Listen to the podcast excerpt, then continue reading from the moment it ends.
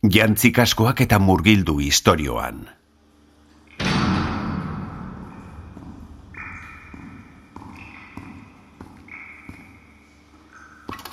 Hau jada prest dago. Grabatzen. Mikroaren aldera hitz egin behar duzu. Zu jaio aurretik ezagutzen ditu tramako ikusten. Badakin nola da biltzan. Primera, orduan hasi. Eta nondik nahi duzu astea. Hasieratik.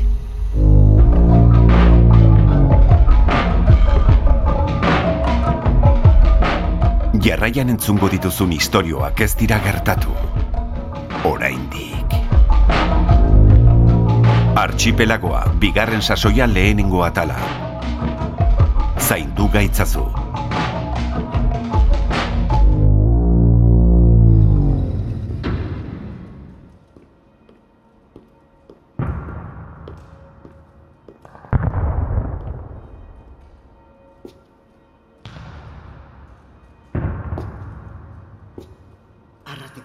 Gure zaindari honetan, gure herrigan hartu eta zaindu ama. Zure semea eskerrak iritsi dagiguz. Barkatu nagusi. Zer da? Ez aldizuet esan kaperan nagoen bitartean bakean usteko. Bai, baina Ipar Afrikako ligako itxasontziak nagusi. Erasoka hasi zaizkigu berriro. Bai, bai, enago gorra. Barkatu, nik brigadirek esan dit presaskoa zela zuri abisatzea. Banoa. Esan brigadierrari indartzeko ekialdeko arresiaren babesak eta prestatzeko distantzia ertaineko kainoiak. Bai, nagusi, berehala. Denok zerura joan gaitezen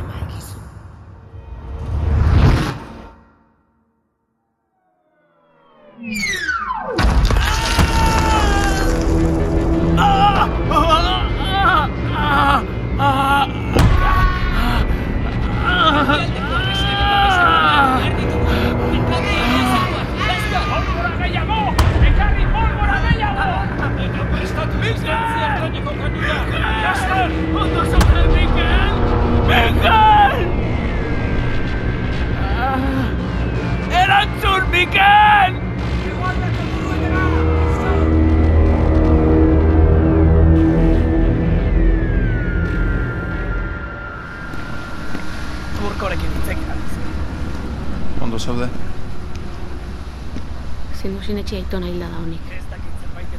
Behar bada ez, nortaki. Behar bada gezurra esan dizu emakume gorrotagarri horrek.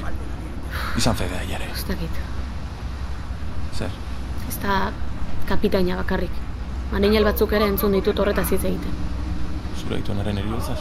Bai, antza denez. Antza denez arresietatik erori eta zakur basatiek erasotu zuten. Jainko doatxua. Bueno, doatxua. Gauzako bera joango dira jare. Norbaitek lagunduko digu. Ikusiko duzu. Izan fedea. Fedea, ez izan inozoa. Nor lagundu behar digu. Euskal Archipelagoak erran dago. Ipar Afrikako liga gorbeiako badia erasotu zuen. Nik bezala entzun zenuen talaiaren partea. Bai, bai. Eta gerran ez baleude ere, Iker. Nor etorriko da gure bila. Hilda gaudela uste dute. Zure bila. Zer? Etortzekotan zure bila etorriko lirateke. Nire bila ez dut uste. Ainguratua naiz gogoratzen. Bueno, edo nintzen.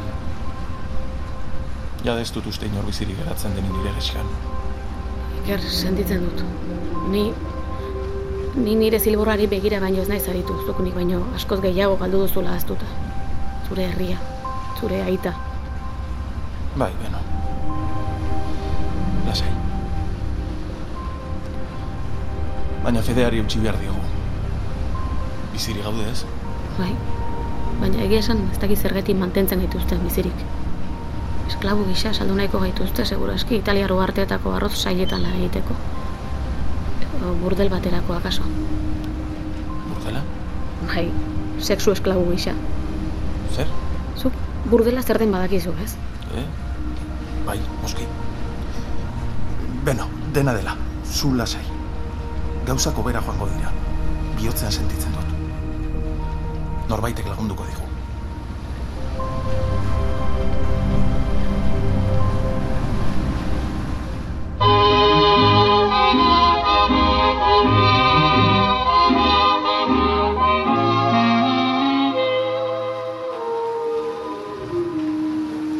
Arraioa, beti abesti berbera entzun behar aldugu. Oh, pardone moa, izahia ona. Orduan, ez duzu maiten jartzen dutan musika? Ez da hori ere, madam, ez da hori. Esan dezagun, entzun nuen lehendabiziko aldian, ba, gustatu zitzaidala. Hara bertzea, beltxaran azirtolari atera zaigu. Edera zaude zu orduan bikote bizitza eramateko. Asieran, gustuko nuen zure aurpegitxo biribila maitia. Baina, egunero berbera ikustiaz, arras aspertua naiz. Banoa beste emazte ederago baten bila. Ez da gauza bera, nik ez dut hori esan. ba, erran bazenu bezala. Gizonak. Hemen, zertarako nagoen gogo jarazteko jartzen dut abestia honizar. Hori da razoia. Familiaz ez ahazteko. Barkatu, madam. Ezkertxarreko izan naiz. Zuk nire bizitza salbatu duzu eta nik adarra jo... Zuk ere familia izango duzu, ez da? Bai, badut. Eta, zer egiten duzu aietaz ez ahazteko? Zerbait izango duzu, abestiak gogoko ez badituzu ere, seguro. Otoitzen bat ekialdera begira aizearen usainak egotik jotzen duenean? Ez hartu txarrera, madam. Baina ez dut horretan sinisten. Nola? Ez da sinesmen kontua? Hitz gutxiago eta ekintza gehiago. Hori da niri irakatsi zidatena. Hmm, ados, ikusten dut bai. Oso joka molde aha erraten uzten badidazu. Sentimentuak gordetzia arrizkoa bazine bezala. Sentimentuek eta abestiek ez didate egin behar dudan egiten lagunduko. Eta zer da zehazki egin behar duzuna ba? Jare piraten atzaparetik askatzia, ala zure familia berreskuratzia. Bon, bon. Horrentzat ez duzu zirtorik beraz. Jende askok pentsatzen duzuk bezala. Abestiek, sentimenduek, hitzek ez dutela ezertarako balio. Aulak direla. Oker dira. Begira itxasoa. Begira ura, eskuetan estutu ezinik ies eginez. Ezer ez baliz bezala. Horroitzapen huts bat. Baina egunero kolpatzen du itxaslabarra atsedenik gabe. Arkaitzik gogorena ere zulatu eta eraitsi arte. Zure abestiaren antzera. Hori sebera, nire abestiak itxasoa dira. Ara, merkatari izateaz gain, poeta ere bazara, madam. Gauza asko dira nitaz ezautzen ez dituzunak lastana. Ez da nik zutaz ere. Baina tira, joango gira utxune horiek betetzen, ez izan kezkarik. Jare topatu arte, bidaia luzia izango dugu. Ziur zauden orabide zuzenean goazela. Bai ez esango nuke, ekialdera egingo zuten, aragoiko komuna askeetako kalen abaruan gordetuz. Baina ezin erabat seguru izan. Itxas lapur horiek katu itzalak baino iristako ragoak dira. Kontarralenak. Ez kezkatu, atsemango ditugu, hitza ematen dizut. Baina bitartean, lasai hartu, eta esperantzari eutsiko diogu, bai? Esperantzari eutxi. Bai. Hori da, eutsi beti hori.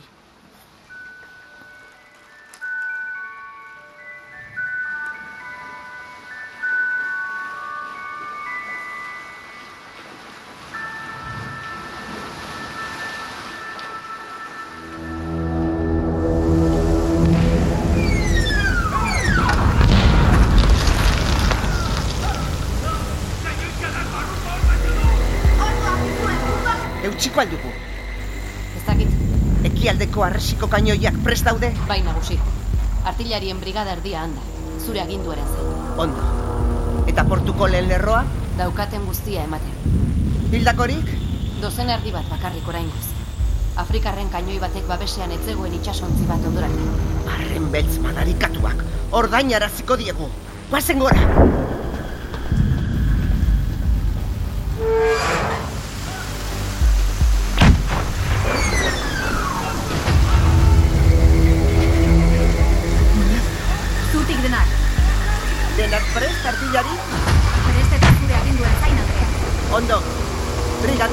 bukatu erasoa.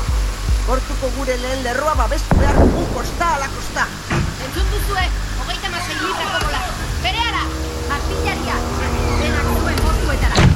Prestatuko gora, gortuko arresiaren eta itxaiaren artean babestu lerro bat ezarri behar dugu. Ez da inor bizirik pasatik. Goratu baino jaoa!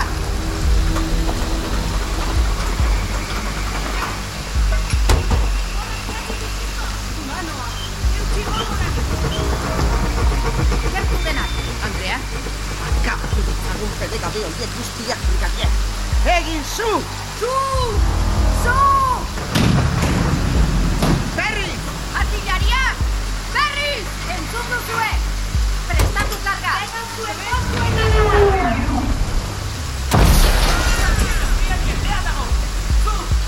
Eutxi orain! Txikitu ditzagun dena!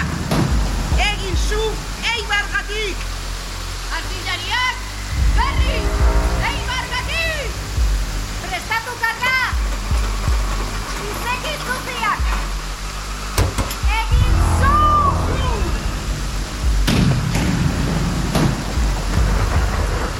Gora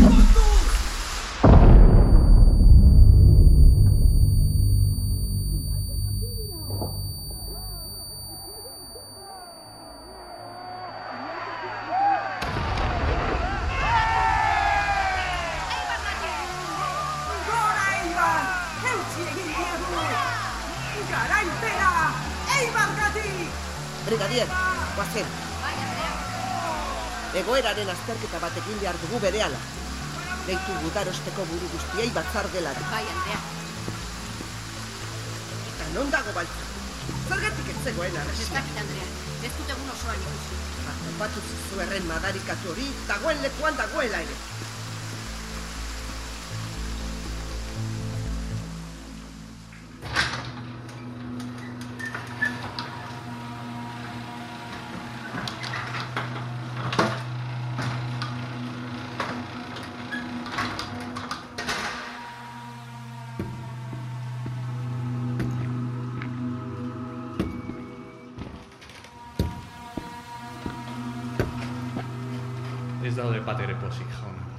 Pentsatzen nuen, segi transmisioarekin. Esan egoera bideratuko dugula. Eta itzuli haien erantzunak. Wir werden die Situation beheben. Die Situation beheben? Es ist das totale Chaos. Wir haben die Afrikaner so früh davon erfahren. Ihr habt einen verdammten Spion unter euch. Hau kaos bat dela diote, jauna. Afrikaren espioi bat dugula gure artean. Esan kontrolpean dugula egoera. Gure plana bizkortu baino ez duela egingo. Baina baliabide gehiago behar ditugula orain. Armak. Esan. Es ist alles unter Kontrolle. Wir werden die Phasen des Plans vorantreiben. Aber wir brauchen mehr Waffen. Da habe ich meine Zweifel. Wir werden es jedenfalls aus. Eskari aztertuko dutela diote, jauna. Wir wollen, dass sie uns eine Person bringen. Eine spezielle Person. Baina horren trukean, pertsona bat hain esku ustea nahi omen dute. Pertsona berezi bat. Pertsona berezi bat? Nor. Wer ist diese spezielle Person? Ihr Name ist. Jauna bere izena... Ja, ulertu dut memeloa. Horretarako ez dago Alemaniera jakin beharrik. Jare. Bai, jauna, barkatu. Zergatik ordea. Zergatik jare. Esan baiet. Atzeman eta eramango diegula. Bai, jauna, baitze bertan erretzen du. Horrapatuko dugu. Kosta la kosta.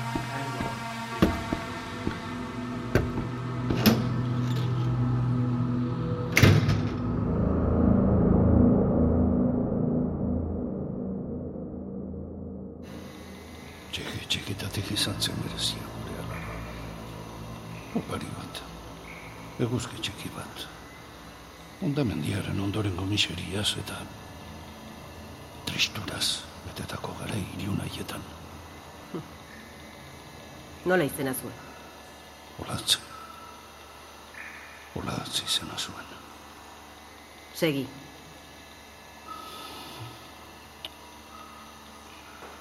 Nik berrogei urteak paseak nituen bera jaio zenean. Aita zaharra nintzen ordurako. Nire emazte ihintza baino hogei urte zaharragoa. Baina nola diren gauzak. Gazteagoa izan arren, ihintza gaixoa gure alaba jaio eta bost urtetara joan zen. Eritasun batek jota. Eta biok bakarrik eratu ginen, olaz eta biok. Nekez eta izerdiz berrera ekitzen ari zen mundu basatiaren erdian. Non bizi zineten? Zehar dio hostia. Ze zentzu demonio dute galdera hauek guztiak. Erantzun galdera. Urbian. Urbian bizi ginen. Hmm. Ordurako baziren dagoeneko txabola batzukan eraikiak, gurearen antzekoak. Gaur egun den arribildua osatzen zijoan apurka apurka. Denok elkarri laguntzen genion. Beharrezkoa zen edo zer gauza elkarrekin egiten genuen, auzo lanean. Gutxi zuenak ere, are gutxiago zuenari emanez. Eta horri esker iraun genunen guk ere, olatz eta biok. Eman eta hartuz, eman eta hartuz, elkarrekin egunero ikinez. Horregatik eta neska gogorra zelako. Bai, ala jaina, gogorra, argia eta ausarta. Sekulako emakumea bihurtu zen, begi txinpartatxuraiekin. Hori bai, kaskoan zerbait sartzen baldin bazitzai honredi. Baina denek hartzen zuten aintzat bere hitza, bere iritzia, bai. Ordurako bainera, alegin handiz, baina Euskal Archipelagoa bere burua berrosatzen hasia zen. Arnaz pixka bat hartzen hasi ginen guztiok. Antolaketa bat genuen. Naizagoa bihurtu ziren beste Euskal Uarteekin genituen harremanak ere. Eta olaz, eskondo egin zen. Urbia bertako mutil batekin. Oier. Haze ospakizuna hura. Bai. Gara jonak izan ziren haiek. Oso onak.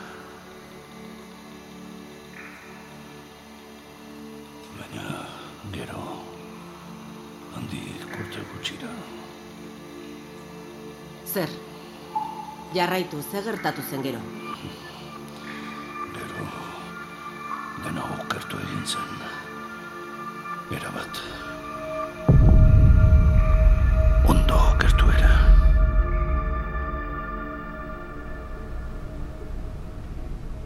Okerrena portuko egoera da zalantzarik gabe. Hori da lehen lerroa. Gaur atzera eginarazi ditugu, baina ez dakit noiz arte ustea lortuko dugu. Eta iparraldeko arresian kainoi lerro bat gehiago jarrita? Behar bada horrela ekialdeko atxeden pixka bat eman diezaiekete portua babesteko zereginean.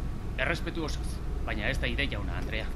Etxaien itxasontziak ekialdera lerratuak daude. Eh, hemen, ikusten? Nekez iritsiko ginateke iparraldetik haien gana.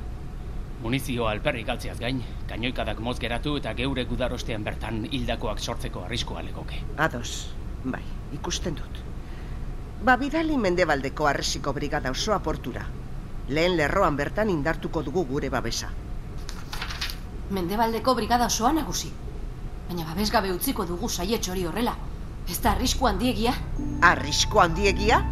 Ipar Afrikako ligaren eundaka itxasontzi ditugu geure arresien aurrean gu akabatzera etorriak. Ze arrazo da oraindik ulertu ez duzuna, brigadier? Noski, arriskuan gaudela. Baina arriskurik handiena ezerrez egitea da. Ulertu duzu?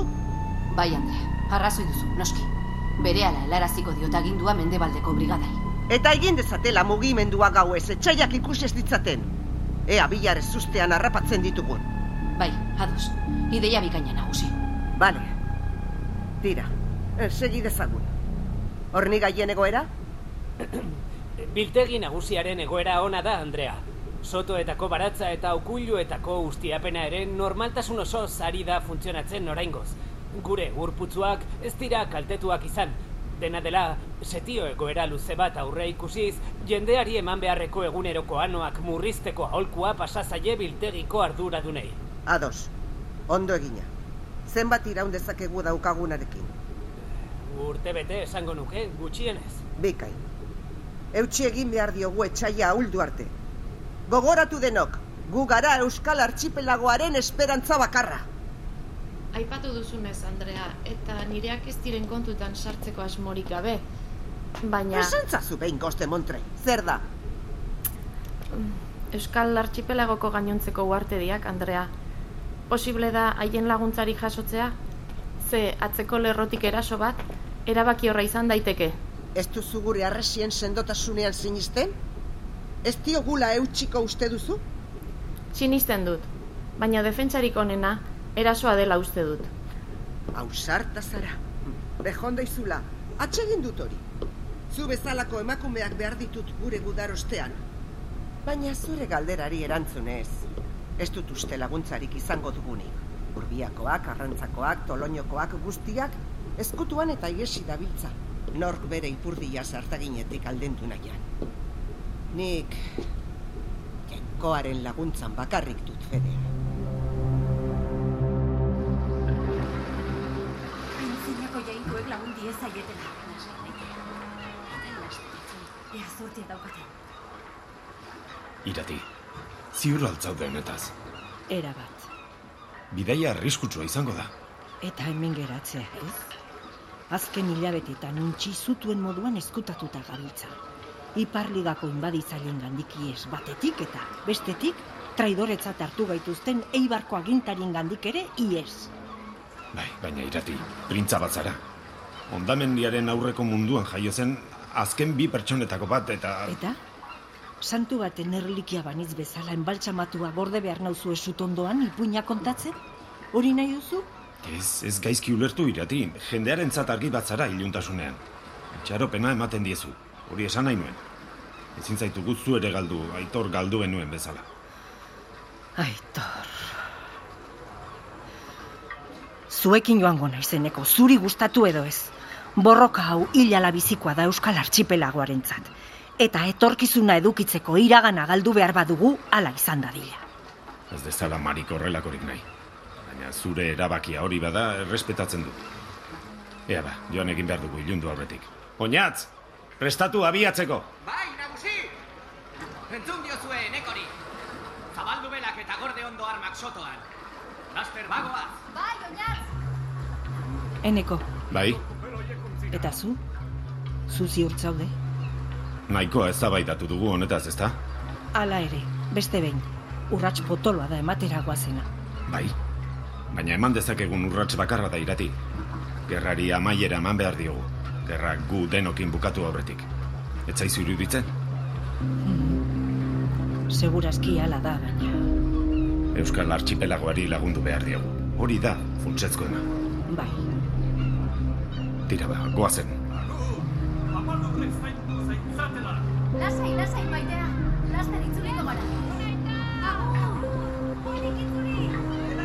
Ea egia den. Amalurrek zaindu gaitzala.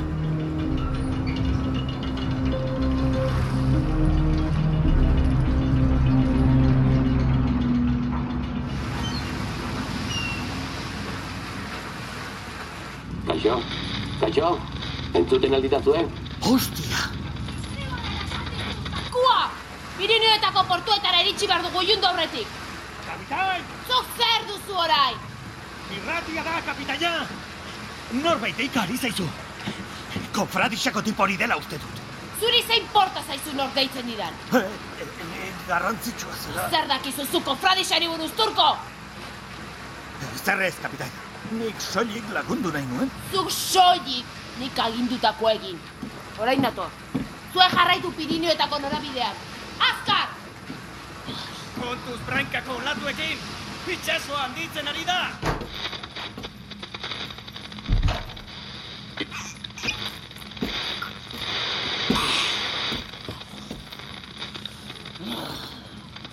Kaixo, norbait baldakor. Kaixo baltza, Eskerrak, bazen gara ja. barkatu. Enuen zure deia espero. Enekien bizirik egongo tezinen ere. Dena ondo ibarraldean, Ondo nago, eskerrik asko. Ez kezkatu nire osasunagatik. horixek eskatzen naizela. Bestela nork ordaindu behar dit zordidan urrea. Ah, noski. Gogoratzen duzu agindu zenidan lantxura, ez? Baiketa bat, ipar ligakoak bagina bezala. Batzarrean jendea gerraren alde jartzeko Bai, eta... bai, gogoratzen dut. Zera, horrexekatik deitzen dizut. Ordaintzeko? Ze ondo. Baina oraintxe bertan, Iparligaren armada zinguratuta zaudetela, ez zait ondo etortzen Ibarrera horbiltzea. Beno, non zaudeten esaten badidazu. Kofraditxako norbait zure gana bidaliko dut urrearekin. Ja, Eta bide batez, azkenean etzen uten neska ura topatuko, ez? zein neska? Jare, badakizu. Baitu eta gero ies egiten utzi zeniotena. Ez genion utzi esan izun. Traganarruak bete-betean jongituen eta ezin Bai, izan bai, genu... bale. Topatu zenuten azkenean? Zergatik besteko interesa orain? Ari mutur guztiak lotuta usteagatik, besterik gabe. Ja, besterik gabe. Eta orduan, jareren berririk? Non dagoen jakin ezake bai? Ongi, non, Non ez. Zenbat. zer, Zenbat emango didazun informazio horren truke. ongi da. Aurreko lanagatik adina ordainduko dizut, baina Bikoitza nahi dut. norekin hitz egiten ari aizela uste dun puta zikina. Nik daukadan zerbait, desesperatuki behar duen desgraziatu batekin.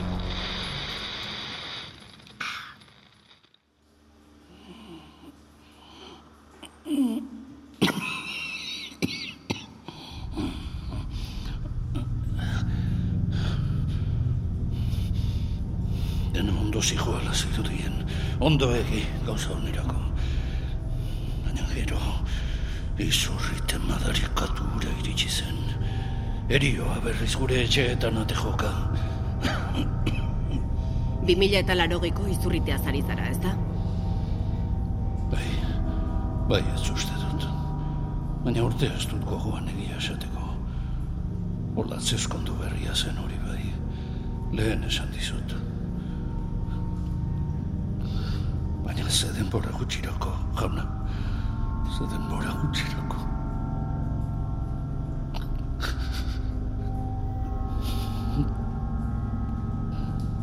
Segi, ze gertatu zen. Ze gertatuko zen ba? Jendea gaixotzen hasi zela joder, hori gertatu zen. Sukarra, goragalea, dardarak eta hilabete gutxitan zulora. Zientoka, milaka, bazter eta leku guztietan. Baita gure etxean ere, baita gurean ere zoritxarrez, kakazarra.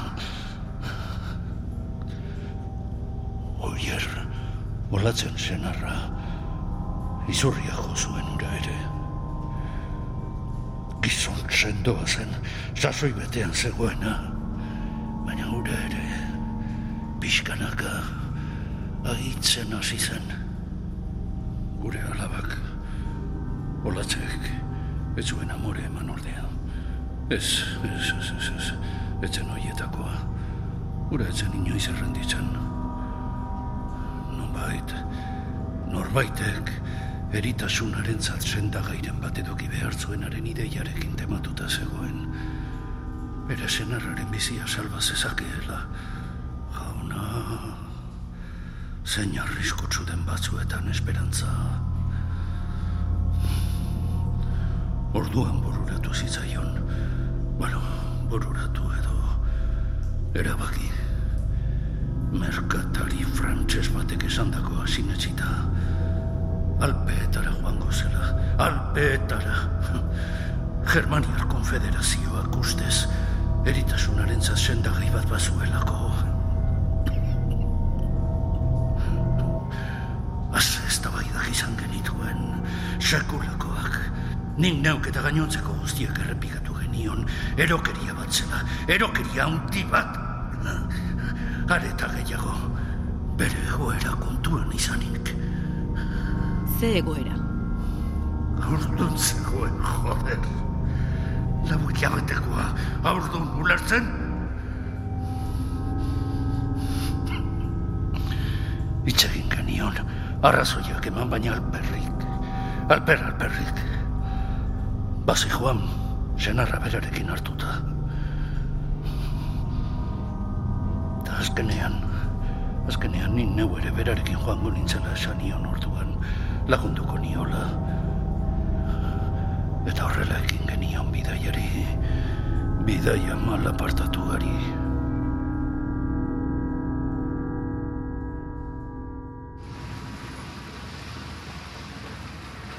Bela hori zuzendu! Eta ez dutu ababorreko eskotak! Agudo! Urko! Noragoa! Ondo, kapitain. Laizte iritsiko gara areteko portura. Ergi! Kapitaina, Bai? gizonak, beno, gizonetako batzuk nier noski, baina asko urduri dabiltza. Eta hori? Euren partea noiz jasoko duten jakin nahi dute. Ara, Bai, bero, nik esan diet lasai egoteko. Ez dagoela zertan kezkatu. Zuk beti denontzat lan onak lortu izan dituzula. eskerrik asko, Turko. Estimatuta dago zure laguntza. Ja, kapitan, nik ez. Baina, batek edo bestek zalantzak dituzte, hala ere, ze eibar inguratua dago, eta kofradixak ordaindu behar zigune. Ja. Eta gero, bigatibu horien kontua ere badago. Gizon gehienek, nik ere bai. Beraiekin jolastu nahi genuke, eta gero, astiro, astiro... Gatibuak ez ukitu. Bale. Nahi baduzue lanean jarri beste dozein marinel bezala. Baina ez dira jolasteko. Urrea balio dute. Ulartzen? Ongi da, baina orduan... Orduan, esaiezu zalantzak dituzten beste oiei euren kapitainak urre asko emango dien lantxo erraz bat duela beraientzat. Baina... Esaiezu beste oiei ez kezkatzeko kofradixagatik edo euskal artxipelagoagatik. Ez dugula bitartekarientzat lan egingo. Esaiezu, euren kapitainak zuzenean urrearen iturrira joatea erabaki duela. Urrearen iturrira? Bai, turko. Alpeetara goaz. Zuritxeko portura.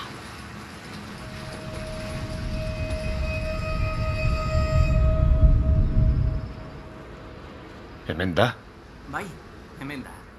Santo Domingo de la Calzadako portua han beherago dago. Ikusten? Baina zuk esandako lekua hau da, kala hau. Baina orduan, non daude? Eneko, ziur mezulariari ondo ulertu zeniola.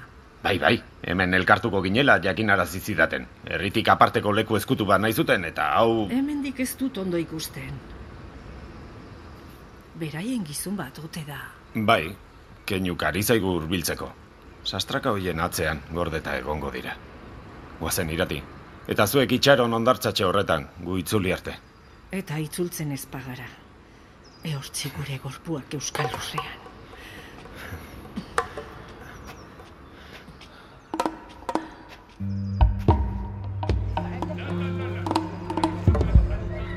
Sartu hemen, zain daukazue. Zukra.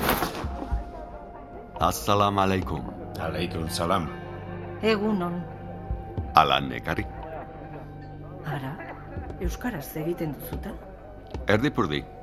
Baina zuek arabieraz baino hobeto seguraski. Naiz eta zuk ere pixkat badakizun, ez da? Bai, bueno, oso gutxi. Arreba bat gizon arabear batekin ezkondua dut eta horregatik daki... Ondo, ondo. Baina mesedez, eser zaitezte eta jarri eroso. Te pixkat eskain diezaizueket. Edo nahiago duzue kafea. Guk hartzen duguna garratzea egingo zaizue agian, baina azukrearekin Kafea. Oitua gaude garratzera, lasai. denok bezala, bai. Zera gorentasun bera... Ez, mesedez. Ez duzue titulurik erabili beharrik nirekin. Ipar Afrikako ligan almirantea naiz. Nire izen osoa An-Nasir Salahat Din Yusuf da. Baina nire gonbidatuak zarete jaima honetan. Salah deitu. Nahikoa da, benetan. Bera irati da, Euskal Archipelagoko azken printzatako bat, eta ni eneko naiz, Toloño uarteen agintaria. Plazerra. Zukran. Kontuz, beroa dago. Nahi izan ezkero azukrea ere hemen. Ez da ez der. Ederki ba, irati, eneko, zuek esango duzue. Bilera hau zuek eskatu duzue. Bai. Euskal Archipelagoaren errendizioa negoziatu nahi dugu.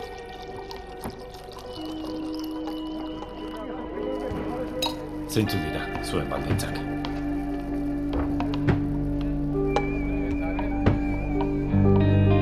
Archipelagoa Ulumediak EITB podcastentzat ekoitzitako soinu fikzioa da. Grabaketak Koldo Korea eta Santi Salvadoren estudioetan egin dira eta soinu diseinua Lasarteko Ulu estudioetan. Archipelagoan parte hartu dute Gidoian Xavier eta Martin Etxeberria. Grabaketan Koldo Korea. Soinu diseinuan Oier Arantzabal eta Jon Gartzia. Aktore zuzendaritzan Anart Zuazua. Jatorrizko musika Rafa Rueda. Artea Xavier Sagasta. Besteak beste, honako aktore hauek parte hartu dute. Aitziber Garmendia, Eneko Sagardoi, Itziar Ituño, Iñaki Beraetxe, Anartzu Azua, Sara Kozar, Clara Badiola eta Bikoizle Euskaldunen elkartea. Ekoizpena eta koordinazioa, Xavier Etxeberria eta Kristina Tapia Huizi. Zuzentzaile eta edizio lanak, Juan González Andrés. Zuzendaria Oyer Arantzabal. Sail guztiak entzun gai dituzu EITB podcasten edo audioak entzuteko darabiltzun dena delako plataforman. Arpidetu eta zabaldu lagun zein etxaien artean.